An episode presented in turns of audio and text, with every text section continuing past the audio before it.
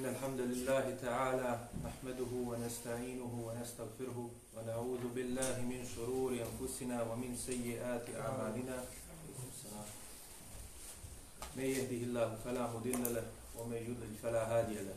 وأشهد أن لا إله إلا الله وحده لا شريك له وأشهد أن محمدا عبده ورسوله. أرسله الله تبارك وتعالى بالهدى ودين الحق ليظهره على الدين كله. وكفى بالله شهيدا ثم أما بعد svaka zahvala pripada Allahu subhanahu wa ta'ala njega slavimo i njega veličamo hvala mu što nam je poslao Allahov poslanika Muhameda sallallahu alaihi wa sallam i učinio nas od njegovih sljedbenika neka je salavat i selam na njega najodabranijeg Allahovog groba Muhameda sallallahu alaihi wa sallam njegovu častnu porodcu sve njegove ashabi i oni koji slijede njihov put do sudnjega dana. Prošli put smo spomenuli ukratko koje su sve metode koje su koristili mušici u borbi protiv Allahov poslanika Muhameda sallallahu alaihi wa sellem u odvraćanju od Allahove vjere, suprostavljanje njoj, odvraćanje ljudi da krenu pravim putem. Također, u prethodnim našim druženjima videli smo nešto od tih metoda i praktično kako su ih primjenjivali. Mušici, nakon što su uložili svoj trud u mnogim od tih metoda, nakon što su odvraćali ljude svojim govorom, širili propagandu protiv Allahov poslanika, sallallahu alaihi wa sallam, tako što su ga vrijeđali i smijavali, ljude odvraćali od Kur'ana, spominjući Kur'an u negativnom kontekstu, dovodeći u pitanje Allahu objavu. Nakon što su pokušali i da poslanika, sallallahu alaihi ve sellem, dobrovolje da se nađu na nekom trulom kompromisu između istine i zablude, koja bi opet bila zabuda, nakon što su više puta išli Jebu Talibu, pa nekada bi ih on sam vraćao, a nekada bi Ebu Talib podlegao malo njihovom utjecaju, pa bi išao Allahom poslaniku, sallallahu alaihi ve sellem, pokušavajući da ga opet i svoje ljubavi prema njemu zaštiti, da ga dobrovolji da odustane od nekih stvari. Ali Allahov poslanik Muhammed sallallahu alaihi ve sellem ostaje ustrajan u svome pozivanju Allahu u vjeru. I oni ashabi koji on odgajao također su bili čvrsti i postojani u svojoj vjeri. Mušici u toj svojoj propagandi videli su da nema ništa u njoj. Ne mogu ništa oni ponuditi kao dokaz da odvrate od Allahovog poslanika, sallallahu alaihi ve sellem. Pokušali su, ali nisu mogli naći nikakav argument. Jer govorili su da je poslanik lud, a znali su da nije. Govorili su da je sihrbaz, a znali su da nije sihrbaz. Da laže, da izmišlja, da je uzeo od nekoga to u što poziva. Znali su da to nije istina. Tako da je ta njihova propaganda bila upravo samo to. Samo propaganda koja nije bila zasnovana na dokazima. I onda kada su ostali bez argumenata, kada su pred objavom Allahom ostali bez teksta, bez ničega što su joj se mogli suprostaviti, a da ima neku jačinu i težinu, makar nešto što je jače od paukove mreže, da bude u tom suprostavljanju. I kada su vidjeli postojanost Allahovog poslanika Muhameda sallallahu alaihi ve sellem i njegove shaba, onda jedini argument koji nije ostao je argument sile. Da se silom suprostave to istini. Dakle, samo zato što su i svojih raznih interesa, radi svojih pristrasnosti svojom plemenu, zato što je onaj jedan od njih mislio da će on biti poslanik ili on imati vodstvo, zato što je drugi se oholio i našao uvrijeđen da dođe Muhammed, sallallahu alaihi ve sellem, iako imao najbolje porijeklo, ali nije bio od njegovog porijekla, da on bude taj koji će biti pozivač, da izgube, kako su oni mislili, ugled i uticaj među Arapima, položaj, kako su govorili došao je, kaže, i uništio naše snove, naše položaje, ono što smo stekli. A doista to nije bilo tako, ali tako im je šeitan to prikazao i njihove pokvarene duše. Onda su krenuli da Allahovog poslanika Muhameda sallallahu alaihi ve sellem i njegove ashave izlažu najgorim mukama koji su mogli da smisle ljudski razum. Čak mnoštvo tih stvari koji su oni radili, razumi staju i ne mogu da zamisle da su spremni ljudi da urade tako nešto, samo da bi ljude odvratili od istine.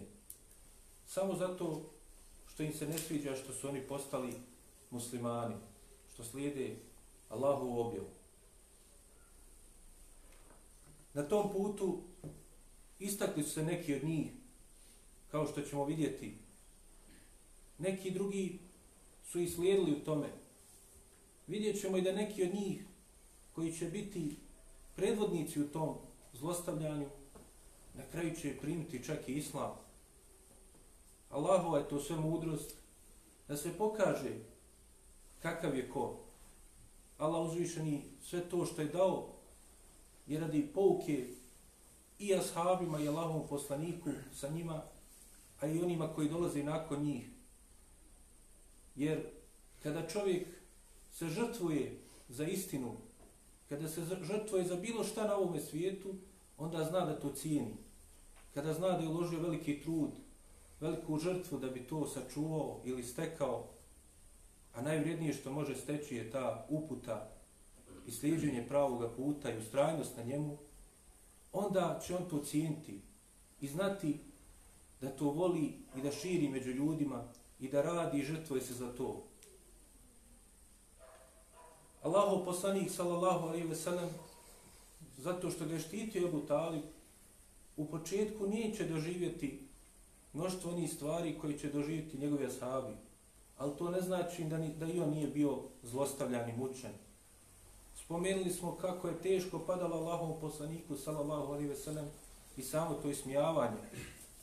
Ali također i fizički nasrtaj će biti na Allahov poslanika, sallallahu alaihi ve sellem, uprkos tome što ga je štitio Ebu Talib i što je imao taj položaj koji imao među njima. Ima Buhari, ima muslim u svome, svojim sahihima spominju kako je Allahu poslanik sallallahu alaihi ve sellem klanjao pored Kaabe, tako u tom prvom periodu. Ebu Džehl kao ko je došlo kod imama Ahmeda u njegovom usnedu, faraon ovoga umeta, i doista je to i bio predvodnik tih zalima i nepravednika, sjedio je sa svojim društvom i onda su oni promatrali Allahov poslanika, sallallahu alaihi ve sellem, kako klanja i kako je Allahu u pokornosti, ali je to udlo njima neku mržnju. Pa je jedan od njih rekao, ko će otići do tog i tog i plemena i uzeti onu drob i onu, one, ona crijeva koja su izašla iz deve koja je bila nedavno zaklana. Kaže da donese da bacimo na Allahov poslanika, na Muhameda sallallahu alaihi ve sellem. Pa je jedan nesretnik se javio, rekao, otiću ja, i požurio i donio to. Da bi ponizili Allahu poslanika sallallahu alaihi ve sellem. Pa kaže Ebu Džehl je uzeo sam lično i kada je Allahu poslanik sallallahu alaihi ve sellem otišao na seždu, on je uzeo tu drobu uzro ta crijeva i bacio na Allahu poslanika sallallahu alaihi ve sellem na njegova leđa. Allahov poslanik sallallahu alaihi ve sellem Ostao je miran, dostojanstven, skrušen u svome namazu, nije obraćao na pažnje na to. Abdullah ibn Mas'ud, radi Allahanu, koji prenosi ovaj hadis, da je on to lično i gledao, kaže, gledao sam Allahov poslanika, sallallahu alaihi ve sellem, ali nisam mogao ništa uraditi. Da sam imao snage uradio bi nešto. Ali znao je da neće moći. Da će fasovati i on a da će oni ustrajati i opet uraditi. Pa kaže, tako je ostao poslanik sallallahu alaihi ve sellem dok nije došla Fatima radijallahu anha, čerka Allahu poslanika sallallahu alaihi ve sellem, pa sa leđa svoga babi sklonila tu drogu. Nakon toga je poslanik sallallahu alaihi ve sellem završio svoj namaz i ustao i prišao ovoj skupini. Rekao im je, Allahu moj, uništi Kurejš. I to je tri put ponovio. Kada su ove riječi čuli, nije im bilo svejedno. Oni su vjerovali Allaha, kao što smo spominjali. I uvijek treba naglasiti da su vjerovali Allaha. Znali su da je Allah gospodar nebesa i zemlje. I bojali su se na tom mjestu pored Kaabe takvu dovu da se čuje i takvu upućivanje jel, dove jednog čovjeka kojim se nepravda čini. Da će se Allah odazvati na tu dovu. Pa poslanik sallallahu alaihi ve sellem, jer su oni prije toga, kada su to uradili poslaniku sallallahu alaihi ve sellem, kao što prenosi nam Abdullah ibn Mas'ud, kaže da su oni onda kada su to uradili, ne samo da su uradili taj postupak, nego su počeli da se smiju i pokazuju jedan na drugi uk. I da kaže, toliko se smijali da su se počeli trijest od smijeha, koliko im je to bilo zabavno što vide poslanika sallallahu alaihi ve sellem u tom stanju.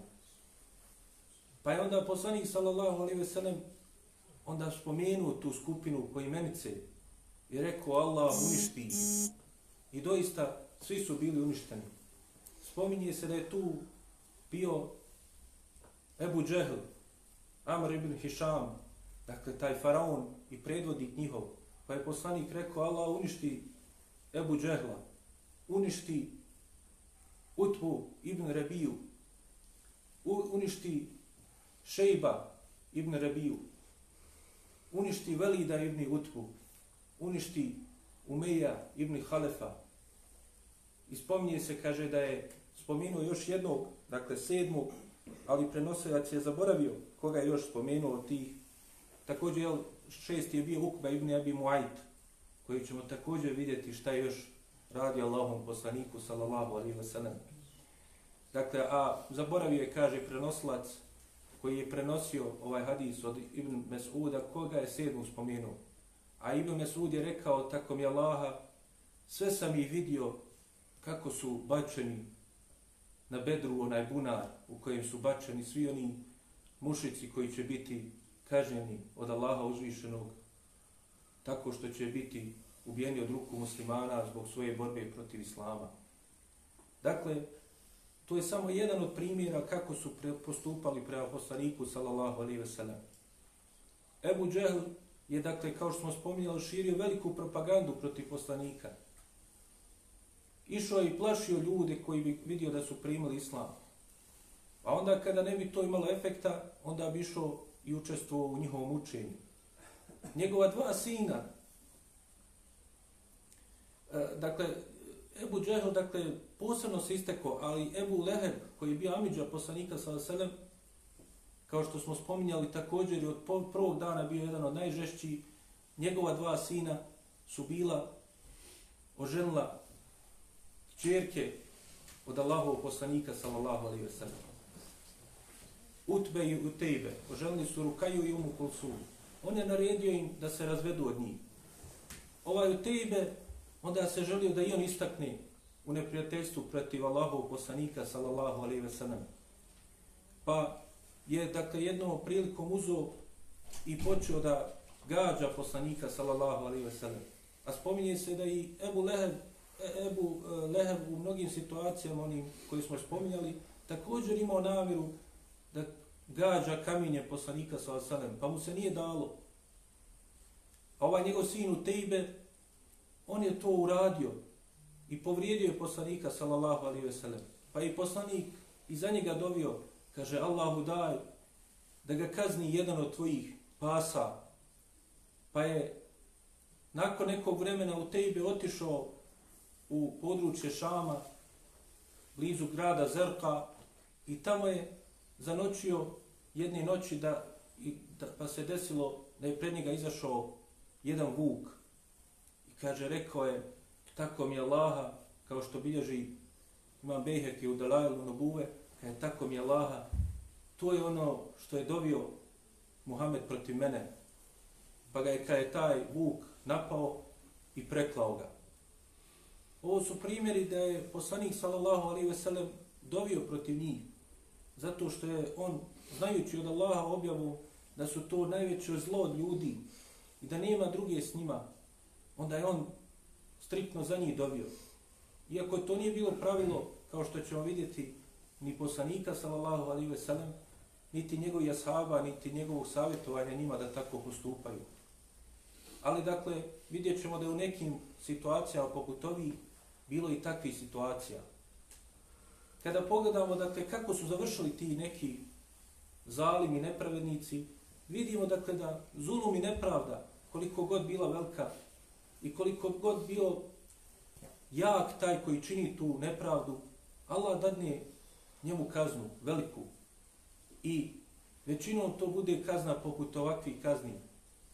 Dakle, da bude čak brza i nakon kratkog vremena da ih zadesi. A one koji ne zadesi odmah ta kazna, potraje vrijeme da oni budu kažnjeni. Kao što možemo vidjeti mnoge te zalime, nepravdi, nepravednike, čak i na našim područjima i općenito kroz istoriju, dakle, možda on potraje, možda mu Allah dadne da poživi godinama, da uživa u toj svojoj nepravdi, da se uživi u tome, ali opet vidimo da ga čak i na ovom svijetu stigne kazna. Dovoljno je jel kazne tim nepravednim zalimima, vladarima poput onih koji su dugo vladali pa onda pred sam svoj kraj života izgube vlast. Veliko je to za njih poniženje, koji samo vore shvatiti neko ko je poput njih. Neko ko će možda reći šta je to za njega, toliko je godine vladu, ali to je činjenica da bude na kraju svog života ponižen, zato što su oni uvijek opsjednuti sa, onom, sa onim nasljedstvom koji ostavljaju za sebe te svoje vlasti koji su imali i kako će biti doživljavani u generacijama nakon njih. Također, spomenuti Ukve ibn Ebi Muajt se istakao u onome što je radio Allahom poslaniku sallallahu alaihi ve sellem. Kaže se da je Ukve ibn Abi Muajt bio jedan od najžešći protiv Allahovog poslanika sallallahu alaihi ve sellem. Najsmjeliji, što bi rekli, jel, najhrabriji, a u stvari najvećih budala zbog onoga što je radio. Jer ono što ga je zadesilo zbog toga je bila velika kazna od Allaha subhanahu wa ta'ala. Pa kaže se da kada je upitan Abdullah ibn Amr ibn Las kaže šta je ono što je najžešće doživio Allahu poslanik sallallahu alaihi ve sellem kao što bilježi ima Buhari u svom sahihu kaže najžešće što sam vidio da je doživio Allahu poslanik sallallahu alaihi ve sellem jeste da je došao Ukba ibn Abi Muayt i uzeo svoj šal poslaniku sallallahu alaihi ve sellem dok je klanjao u mešćid u, u pored Kabe i onda je uzeo svoj šal i pritisnuo mu oko vrata, počeo da ga davi. I kaže, dolazio bi i stavljao bi dok je bio poslanik sallallahu alaihi ve sellem na seždi, stavljao bi svoju nogu na njegov vrat. Tako ga, jel, mučujući i zlostavljajući. Kaže Ibn Hajar, ocjenjujući dobrom predaju koju bilježe Ebu Jala i Bezar, u dodatku ove predaje kaže se da bi tako radio Ukve ibn Ebi Muajt, pa bi onda Ebu Bekr radi Allah anhu ustao i govorio zar ćete ubiti čovjeka zato što kaže moj gospodar je Allah. Pa kaže Ukbe i ovi koji su bili s njim, ti njegovi jarani, to njegovo društvo loše, bi se onda okrenuli Ebu Bekru radi anhu i onda bi počeli govoriti sad ćeš ti da vidiš kako mi kažnjavamo one koji se odmetali od svoje vjere. Pa bi počeli mučiti Ebu Bekra dotle da su ga gotovo bili ubili. Da nije bilo plemena Ebu Bekrovo koje je bilo cijenjeno i ugledno i koje je jel, iz te svoje pristrasnosti e, dakle, plemenske priskočilo u pomoć Ebu Bekru i spasilo ga da ne bude ubijen. Allah najbolje zna, oni su bili odlučni čak da ga ubiju. Jer su posebno, nakon poslanika, sallallahu alaihi ve sellem, mrzili Ebu Bekra. Jer su vidjeli i prepoznali da je on kao najbolji drug i najbolji ashab Allahov poslanika, sallallahu alaihi ve sellem, i njima zbog toga i onda i najmrži. Spominje se da je Ebu Bekr, kada je odnesen kući, sav takav izudaran, raskrvljavanjen, kada je unešen u svoju kuću, čak da su pomislili da je da će možda preseliti koliko je bio povrijeđivan, kada je došao u sebi, prve riječi koje je rekao Ebu Bekr radijallahu anhu su bile šta je sa Allahov poslanika sallallahu alaihi ve sellem? Šta su sa njega uradili? Nije brinuo za svoje povrede, za krv koja tekla iz njega, nego je pitao šta je sa Allahov poslanika, je on dobro? Kada su mu rekli da je on dobro, onda se smirio i nije osjećao nikakav bol zato što je bilo njegovo srce smireno, njegova duša smirena zato što je znao da je Allahov poslanik sallallahu alaihi ve sellem u redu i dobro. To što su radili mušici Allahom poslaniku sallallahu alaihi ve sellem, dakle u početku je većinom bilo više verbalno, a manje je bilo fizički, kao što kaže Ibn Kethir, to je jel, većina stvari što se tiče mučenja fizičkog Allahov poslanika sallallahu alaihi ve sellem zadesilo ga je nakon što je preselio njegov Amidža Ebu Talib. Jer su jel, ipak poštovali Ebu Taliba i znali su da on štiti Allahov poslanika sallallahu alaihi ve sellem. Ali Allah uzvišen je štitio svog poslanika. Jer Ebu Džehl jedne prilike, kao što bilježi ima muslim u svom sahihu, je krenuo da ubije Allahov poslanika sallallahu alaihi ve sellem. Izazvano svoga društva, koji su jel, raspravljali i smijavali se za poslanika sallallahu alaihi ve sellem, pa nije im bilo više dovoljno da se ismijavaju. Pa je onda jedan od njih rekao, da, zašto neće neko da odje da ga sad, da završi s njim? Pa je Abu Džehl se ohrabrio, rekao, sad ću ja tu raditi. I krenuo je Allahom poslaniku, sallallahu alaihi ve sellem, da mu naudi. I onda je, kada se približio poslaniku, sallallahu alaihi ve sellem, iznenada je ustuknuo, stao i pobjegao. Pa kaže, kada se vratio ovima, kad su ga pitali zašto si tako otišao, on je rekao, to je zato što sam, kaže, ugledao ogromnu vatru ispred sebe, koja je htjela da me proguta, pa nisam mogao da mu priđe. Poslanik, sallallahu alaihi ve sellem, nakon toga je govorio, kaže, da mi je prišao, da me dotakao, meleci bi ga kaj raskomadali u komade. Dakle, nisu oni smjeli poslanika, sallallahu alaihi ve sellem, zbog njegovog položaja i ko je bio tek tako da napadaju nisu smjeli da se osmis, os, osmjeli na takav jedan pokušaj. A Allah uzvišeni ga je čuvao u situacijama kada bi oni to pokušali. Ali ashabi radijallahu anhum su doživjeli mnogo teže stvari i mnogo iskušenja i zlostavljanja zbog toga što su slijedili Allahov poslanika sallallahu alaihi ve sellem. Osman ibn Afan radijallahu anhu jedan od prvih muslimana, treći pravedni halifa i treći najvredniji ashab, njegov Amidža, Hakem ibn Abil As, se posebno potrudio da ga odvrati od Islama. Pa se spominje da je znao da, kao što bilježi Ibn Sad u svojim tabakat, kaže, znao bi ga vezati i držati takvog svezanog i govoriti, neću te odvezati dok ne ostaviš vjeru koju si prihvatio i ne vratiš se u našu vjeru, pa bi Osman radijallahu anhu govorio, možeš me držati ovako kako god hoć, koliko god hoćeš, ali ja neću odustati i odstupiti ni pedlje od onoga sa čim je došao Allahu poslanik sallallahu alaihi wa sallam. I njega i drugog ashaba od onih desetorice kojim obećan dženet Zubeira ibn Awama također su mučili tako što bi, kaže, umotali u hasuru od palminog lišća, pa bi ispod nje naložili vatru i govorili hoćete li odustati od svoje vjere ili ćemo vas baciti u nju. Pa oni ne bi odustajali. Pa kada bi vidjeli, dakle, iako su bili pokvarenjaci, iako su bili toliki zalimi, kada bi vidjeli tu čvrstoću i postojanost u vjeri, nešto i nije dalo da postupe tako i da izvrše i taj zadnji čin da ih ubiju.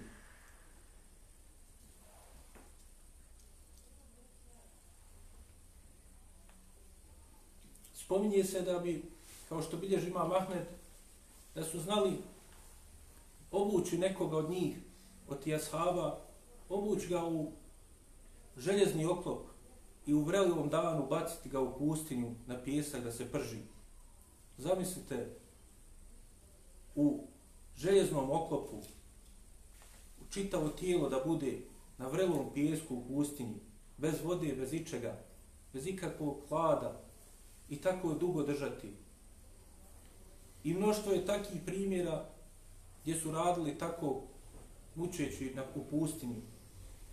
Najupečatljiviji je primjer Bilala radijallahu anhu koji je bio jel rob u to vrijeme kojeg su odvodili njegovi vlasnici u pustinju i vezali bi ga i ostavljali da se prži na kamenju pustinskom u vrelom danu govoreći mu zar ćeš ostaviti lata i uzata njihova lažna božanstva a on bi govorio da je samo Allah jedan da samo njega slijedi nekim predajima je došlo da bi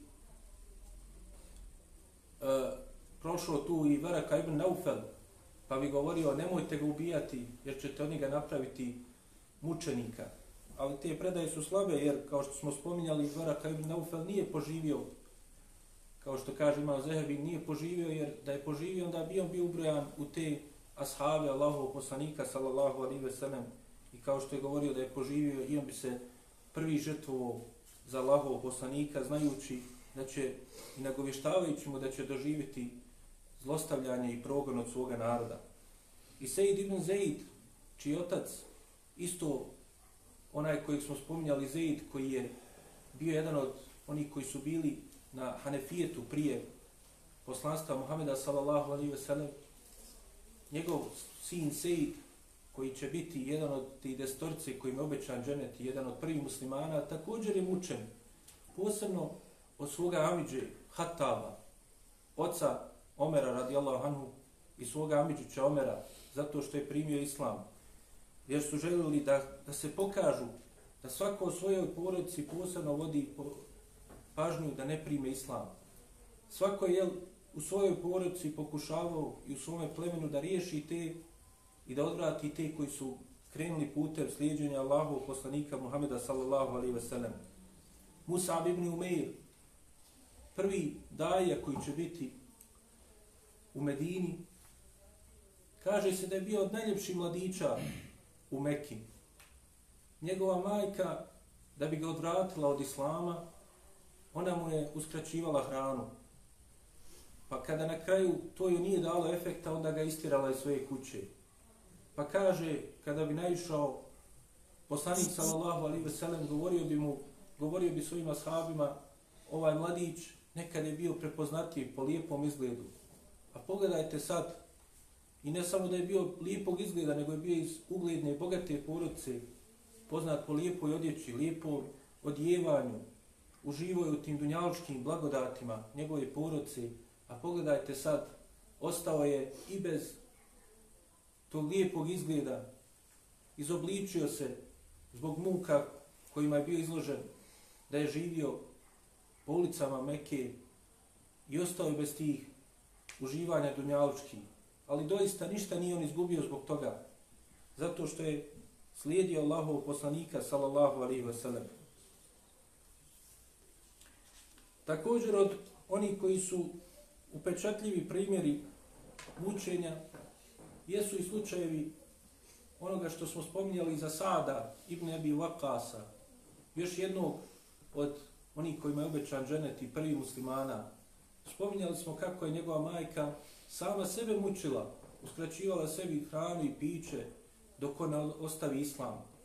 I kako su objavljeni ajeti nakon što je sad rekao svojoj majci pokušavajući da je dobrovolji da odustane od toga, pa kada je vidio da je ustrajna, onda je on rekao njoj majko, ti kad bi preselila, imala stotinu duša da ih pustiš, da napustiš ovaj svijet, da sto puta umreš, ja svoju vjeru neću ostaviti. Pa je Allah uzvišeni objavio ajetima u kojim potvrđuje pokornost roditeljima i dobročinstvo roditeljima, ali zabranjuje i odobrava postupak to što je uradio Sad ibn Abi Wakas i zabranjuje pokornost bilo kome u nepokornosti Allahu subhanahu wa ta'ala. Suhejbe Rumi, koji je bio od onih koji su bili arapskog porijekla, pa su bili kao robovi odvedeni od svoga naroda i svoga plemena, pa je onda kao rob vratio se u Meku i onda postao ugledan trgovac i bio prozvan kao Rumi, to jest Rimljanin, zato što je i svojim izgledom podsjećao na njih, a i zato što je bio prije svega jel, kao rob kod njih, prije dolaska u Meku. On dakle nije imao svoga naroda koji će ga štiti u Mekki. I kao i mnogi drugi od robova ili ljudi koji su bili u stanju poput Suhejba, bili su posebno izlagani mučenja. Ali nisu dali da ih to slomi na putu pridržavanja Allahove subhanahu wa ta'ala vjeri. Najupečatljiviji primjer koji se navodi po pitanju mučenja ashaba jeste jest slučaj Hababa ibn al-Arata, koji je bio iz plemena Temim, ali njegov život je primjer muke i teškoće koje je čovjek proživio na ovome svijetu. Jer Habab kao malo dijete igrao se sa svojim vršnjacima, pa je došla neka vojska u tom vremenu kada su Arapi međusobno bili u plemenskim ratovima i zarobila ga i odvela. Pa je on bio rob koji će poslije otkupiti jedna poruca iz plemena Huza u Meki i onda će on doći da živi u Meku kao rob. On će biti kod žene koja je ime bilo Umu Ernao.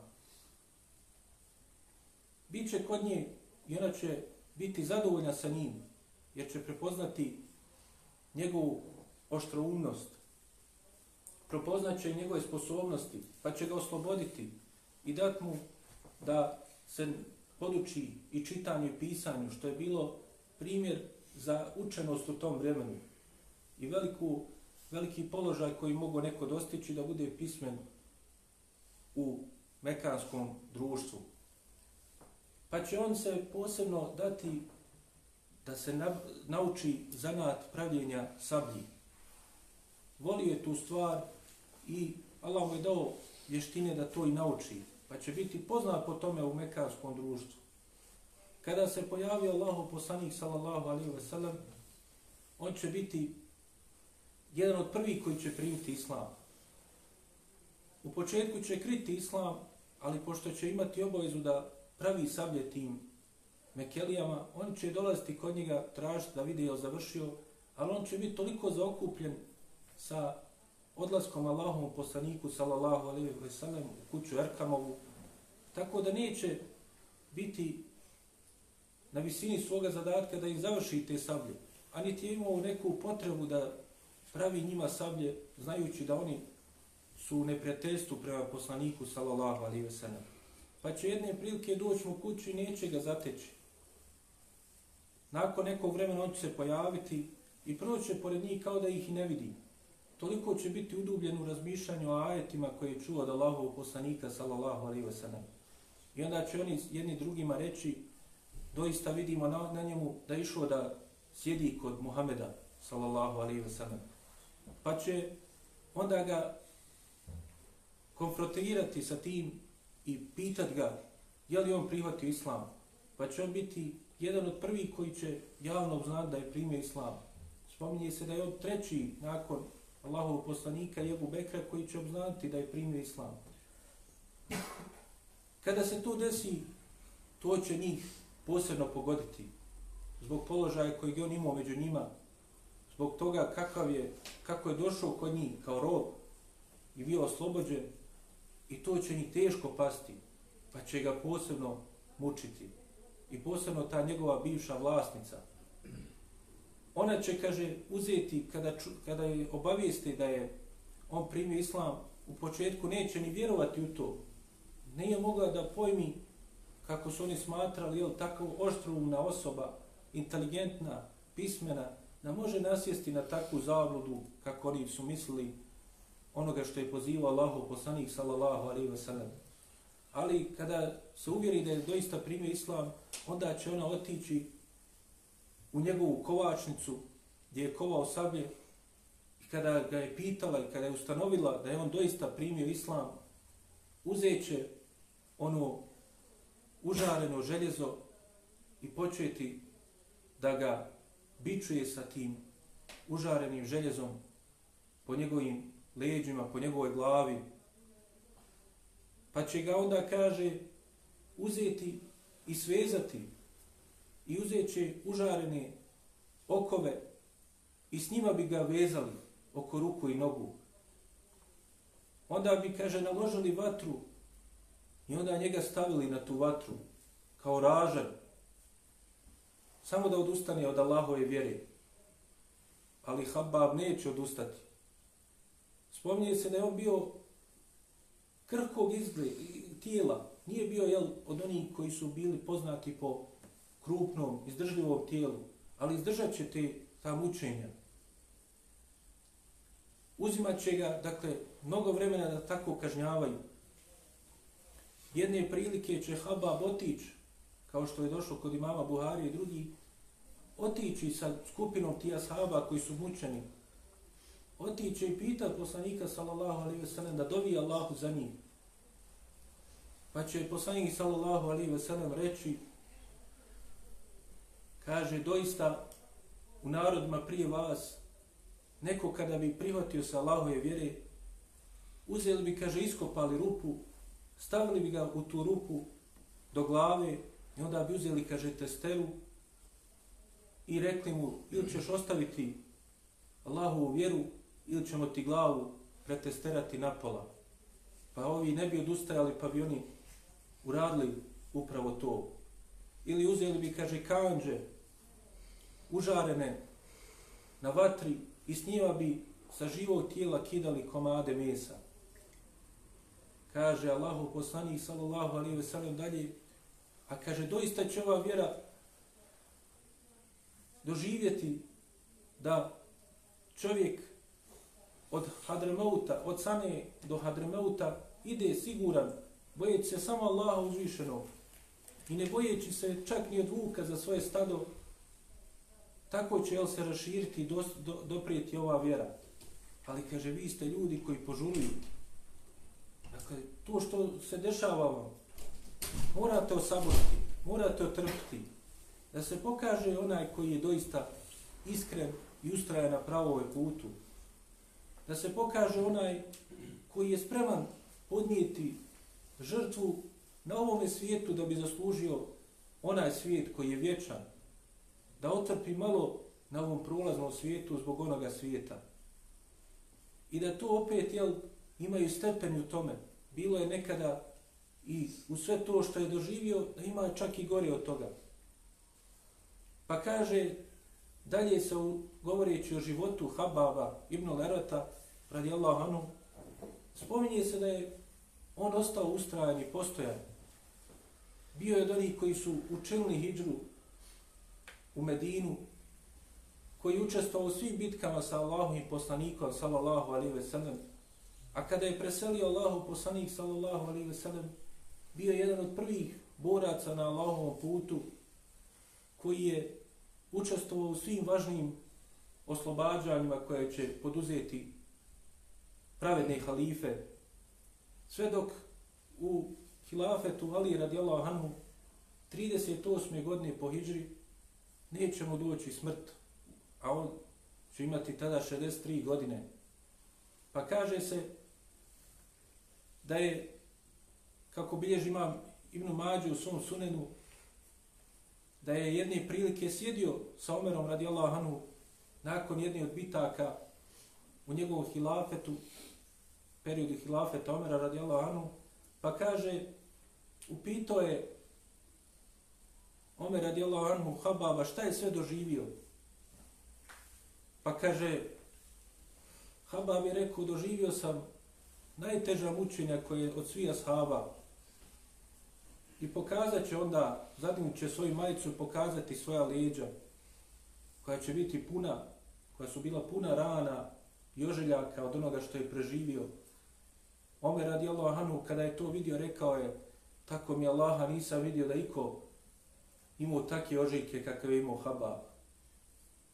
Kada mu je došla smrt, pitali su ga da uputi neki savjet. Habab je rekao, doista, još smo jel rekli da im uputi savjet i rekli mu, ti sad ideš u društvo svojih drugova, ashaba, ono, lako je tebi, ti si proživio, pa šta nema savjetuješ?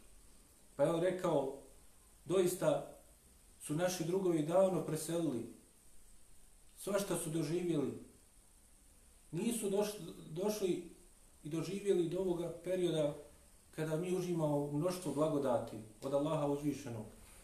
Pa se bojimo da nam je Allah uzvišeni dao našu nagradu još na ovom svijetu za ono što smo preživjeli. Bojim se šta me čeka na onome svijetu. Dakle, tako su vjerovali i tako se odgojila ta generacija koja se ispekla na tim iskušenjima. Jer da nije bilo ti iskušenja, ne bi se prepoznalo ona prvljaština od onoga ispravnog. Ne bi se zlato ispeklo da se nije pržilo na vatri. Zato kada je Alija radijallahu anhu, kada se vraćao sa bitke na Sifinu, vidio neke kabure pored Kufe, jer je Habab živio u Kufi u zadnjem periodu, gradu koji je bio sabirište Allahovi boraca na Allahovom putu, Dakle, do kraja svog života je bio u borbama na Allahom putu i u jednom mjesta gdje se stražarilo na Allahom putu. Pa kada se vraćao Alija radijallahu anhu kao halifa, vidio neke kabure pored kufe i pitao čiji su. Pa su mu rekli da između ostalo tu kabur Hababa, da je među vremenu preselio. Pa je otišao Alija radijallahu anhu do njegovog kabura i rekao, doista si ti bio ashab Allahov poslanika koji je doživio najveća iskušenja i najveće muke. Bio si pokoran Allahu uzvišenom kad si učinio hijđru. Ustrajan borac na Allahovom putu sa Allahovim poslanikom, a i nakon njega nekad se Allah smiluje. Ovdje treba spomenuti i sina Hababovog, Abdullaha ibn Hababa, koji se također ubraja kao dijete da je rođen u životu poslanika sallallahu alaihi ve sellem pa da je od ashaba, da je on upravo onaj koji će nedugo nakon toga ubiti Haridžije nakon što ga sretnu na jednom putu sa njegovom ženom kada su ga, kada je ugledao pa se prepao, pa mu oni rekli ne boj se, nećemo ti ništa. Dakle, dali mu obećanje sigurnosti, što se nikada nije iznevaravalo, uvijek se poštovalo. Pa kaže, želimo da čujemo neki hadis koji se čuo od svoga babi, od Hababa, od Allahov poslanika, sallallahu alaihi ve sellem. Pa bi on spomenuo in hadis o fitnama, u kojima je onaj koji sjedi bolje od onoga koji hodi prema njima, onaj koji leži bolje od onoga koji sjedi, i tako dalje. Pa su oni rekli, tu smo te čekali da te čujemo jer im se to nije svidlo. Shvatili su da im je to poruka, pa su uzeli Abdullaha ibn Hababa, uzeli su i odvali ga na obalu rijeke i onda, kaže, preklali su ga tako kao što se kolje ovca. Prvi put u istoriji ratovanja da je neko tako uzeo da kolje nekoga. Preklali su Abdullaha ibn Hababa samo zato što je obavijestio je riječima Allahov poslanika sallallahu alaihi ve sellem. A oni su govorili da su na Allahov putu, da oni slijede istinu. Da oni slijede poslanika sallallahu alaihi ve sellem. A oni hoće šerijat. Oni hoće da vlada šerijat. Da ljude pozovu islam. I ne samo to, nego su, kaže, uzeli njegovu suprugu koja nije imala nikakve veze. Šta je njena krivica? ali ona je žena od otpadnika po njihovom razumijevanju, pa su uzeli i nju ubili. A ona je tad bila trudna, pa i nije to bilo dovoljno, nego su uzeli sa svojim sabljama, onda joj rasporili stomak, da ubiju njeno dijete. Kada je Alija radijala Anu obaviješten o tome i kada je čuo to, nakon svi ostali pokušaja, onda je odlučio upravo zbog tog događaja da se obračuna sa Haridžama. Jer je poslao i glasnika tražeći te koji su to uradili. Dajte nam te vaše koji su to uradili. Pa su ovi rekli, svi smo mi ubili Abdullah ibn Hababa. Nema razlike između onoga koji je to uradio svojom sabljom između nas drugi. Bilo ko od nas bi to isto uradio. I onda su još ubili i tog glasnika, što također nisu radili ni najveći nepravednici i zulumčari. Jer su poštovali oni koji su bili glasnici nekih vladara kada bi dolazili u službene posjete. Ali istorija se ponavlja kao što vidimo. Dakle, Habab ibn al-Arat je bio taj primjer šta su sve bili spremni da urade mušici, mučeći nekoga, izlostavljajući samo da bi ga odvratili od istine. Naravno, postavlja se pitanje zašto je to bilo neophodno. Mogu je Allah uzvišeni to spriječiti, da, dati da se to ne desi. Ali je to velika mudrost Allaha subhanahu wa ta'ala se kriju tome. Dakle, kao što smo rekli, da se pokaže ko se istinski drži vjere. Da se pokaže istinska, istinski iman, ona riječ la ilaha illallah koja je pustila korijenje u srcima, da dadne svoje plodove, da se oplemeni, da se pokaže ko će se istinski držati i vjerovati ono sa čim je došao Allahu poslanik sallallahu alejhi ve sellem. Jer vidjet ćemo jel, u medijinskom periodu zato će se namnožiti munafika, oni koji će lažno biti muslimani, zato što nije u tom vremenu više bilo takvih iskušenja. A u ovom prvom periodu samo iskreni vjernici su mogli biti takvi da izdrže i ispravno ustraju na pravom putu. I da bi se s druge strane odgojili na ispravnom razumijevanju Allahove vjere, da bi cijenili tu vrijednost Islama, da bi onda kao što i Habab do kraja života bili pokorni Allahovi robovi, kao što je i Ebu Bekr i Omer i Osman i Alija i drugi eh, ashabi, do kraja života su jel, činili mnoštvo dijela i trudili se da ljudima dostavi Allahovu vjeru, zato što su znali njenu vrijednost. Kroz ta iskušenja spoznali su njenu istinsku veličinu. Također u tome i velika blagodat za nas, da prepoznamo i vidimo kako je Allah uzvišen i nama dao blagodat, da u, u miru i bez ovih stvari koji su oni doživjeli možemo Allahu biti pokorni. Oni su jel pretrpeli da bi umet nakon njih mogao, ako hoće, da se drži Allahove vjere. Oni su je sačuvali i oni su je proširili. Također, vidjet ćemo da u tome i velika mudrost što kroz ova mučenja koje će doživiti oni, u tom vremenu kada nije bilo sredstva, sredstava za e, komunikaciju kao što je danas, nisu Allahu poslani sallallahu alaihi ve sellem i njegovi ashabi imali načina kako da dopriju do mnogih mjesta i da je o islamu. Ali to što će ovih izložiti mučenju, na više načina će dati da upravo ono što su oni htjeli da spriječi da se raširi islam. Poput primjera Tufeila ibn Amara Edeusija, koji, će biti, koji je bio poznati pjesnik u predislamsko doba.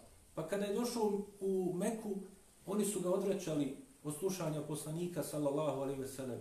Najružnije stvari govorili o njemu. Rekli mu, stavi nešto u uši ako bi on počeo da uči nešto od tog svog Kur'ana da ne čuješ.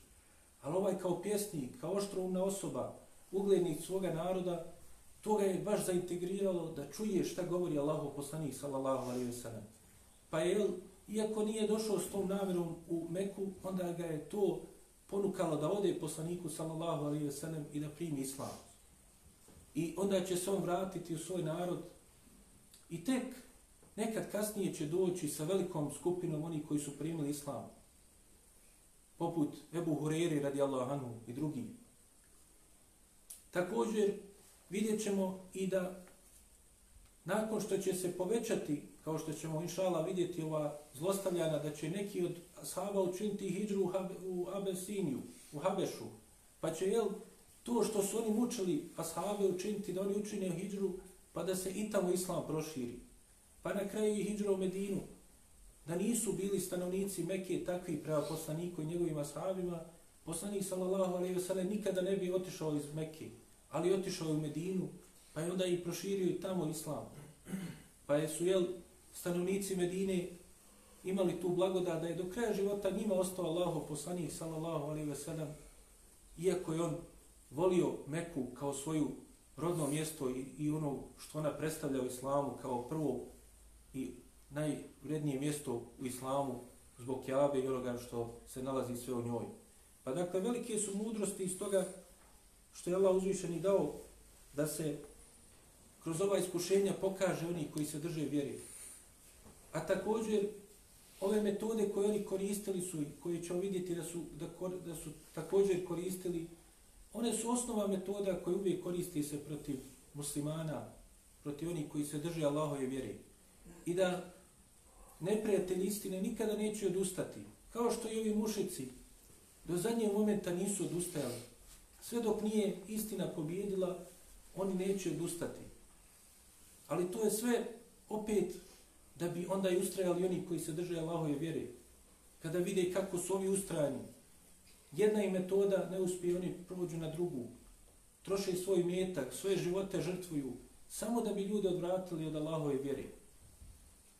Ovaj dunjaluk, također iz ovoga vidimo da nema neke vrijednosti. Nije on kuća nagrade. Kuća nagrade i ahiret. I kada čovjek jel, koji doživi razne iskušenja, vidi šta je doživio sve Allahov poslanik i njegovi ashabi, kada uzmemo i ono sve što je došlo, da je poslanik sallallahu alaihi ve sellem od svoga rođenja doživio, što je bio jetim, što je izgubio i, svoj, i sam svoju djecu, znači to je najbolja stvar koja može čovjeka da učvrsti da i on ustraje, da ne podlegne iskušenjima kojima će biti izložen. Allah uzvišeni na nas obavještava u suri koja je objavljena upravo u ovome periodu u kojem je jel, podučavao Allah uzvišeni ashabe sa svojim poslanikom da zna kako su prošli oni prije nas. Spominje se sura Boruđ u kojoj Allah uzvišeni kaže Bismillahirrahmanirrahim والسماوات والسماء ذات البروج واليوم الموعود والشاهد ومشهود kaže Allah uzvišeni tako mi neba koje je okovano sa velikim zvijezdama i dana obećanog, to je sudnjeg dana, o šahidimo mešhud i onoga koji svjedoči i onoga čemu će svjedočiti, hutile ashabu luhdud, prokleti nek su vlasnici rovova, koji su iskopali rovove, en nari zati vakud i vatre sa njenim gorivom, koji su iskopali rovove i u njih naložili vatru, idhum aliha kuud, i oni oko nje sjedli i govorili onima koji se prihvatili Allahove vjere, da će i baciti u tu vatru, u te rovove, ako ne ostavi Allahovu vjeru. Wahum ala ma yef'alune bil mu'minine šuhud. I oni su, kaže, svjedočili onome što se radilo vjernicima. Allah uzvišeni kaže وَمَا نَقَمُوا مِنْهُمْ إِلَّا أَيْ يُؤْمِنُوا بِاللَّهِ الْعَزِيزِ الْحَمِيدِ الَّذِي لَهُ مُلْكُ السَّمَاوَاتِ وَالْأَرْضِ وَاللَّهُ عَلَى كُلِّ شَيْءٍ شَهِيدٍ Oni se njima nisu svijetili osim zato što su vjerovali Allaha uzvišenog. Onoga koji je Aziz, silni, Al-Hamid, hvaljen, kojem pripada vlasti na nebesima i na zemlji, mogo je on to ni spriječiti. Mogo je učiniti da budu uništeni u momentu. Allaho je da kaže budi ono bude. Ali Allah je svemu svjedok. Da bi se vidlo kako je ko postupao. Pa će na onome svijetu, jel, sprem svoga rada i djelovanja, biti ili kaženi ili nagrađeni. Objavljena je objava, poslani su poslanici, objašnjena istina, ukazano je na zablude, nemaju nikakvih argumenata, pa onda pitanje je ko će se prihvatiti i krenuti putem istine, a ko putem zablude. I to mi također dobro možemo vidjeti i tome smo svjedočili kako su i u našem narodu ljudi ubijani samo zato što su bili muslimani, čemu su sve bili izloženi. Dakle, te metode uvijek će ostati kod njih. Ali na nama je da ustrajimo na pravom putu, da, će, da se držimo puta Allahov poslanika, sallallahu alihi ve sellem, i da se nadamo Allahu je subhanahu wa ta'ala milosti njegovom oprostu. Molim Allaha subhanahu wa ta'ala da nam oprosti naše grije, da nam se smiluje, da nam poveća ljubav na njegovom poslaniku, nas učini od istinskih sljedbenika Muhammeda sallallahu alaihi wa sallam. Svani kallahu alaihi wa bihamdike, šalaihi wa